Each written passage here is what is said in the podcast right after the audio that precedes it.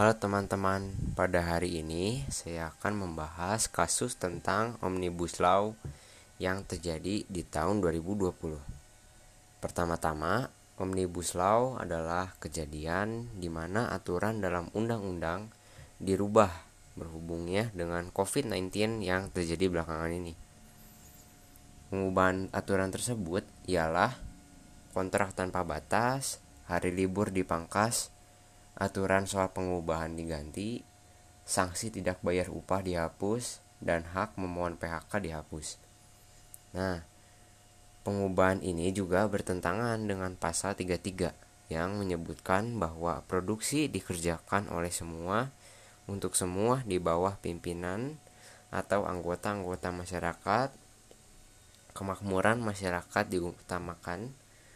Oleh sebab itu, Omnibus Law Cipta Kerja berpotensi menabrak etika lingkungan hidup dan merusak ekosistem bagi masyarakat adat.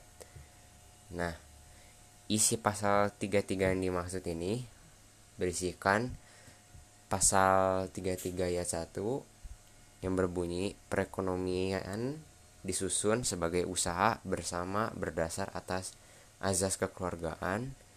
2 cabang-cabang produksi yang penting bagi negara dan menguasai hajat hidup orang banyak dikuasai oleh negara. 3. Bumi dan air dan kekayaan alam yang terkandung di dalamnya dikuasai oleh negara dan dipergunakan untuk sebesar-besarnya kemakmuran rakyat. 4. Perekonomian nasional diselenggarakan berdasarkan atas demokrasi ekonomi dengan prinsip kebersamaan, efisiensi, keberkeadilan, berkelanjutan, berwawasan lingkungan, berkemandirian, kemandirian, serta dengan menjaga keseimbangan, kemajuan, dan kesatuan ekonomi nasional.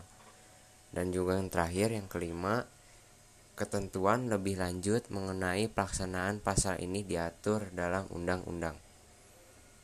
Terima kasih.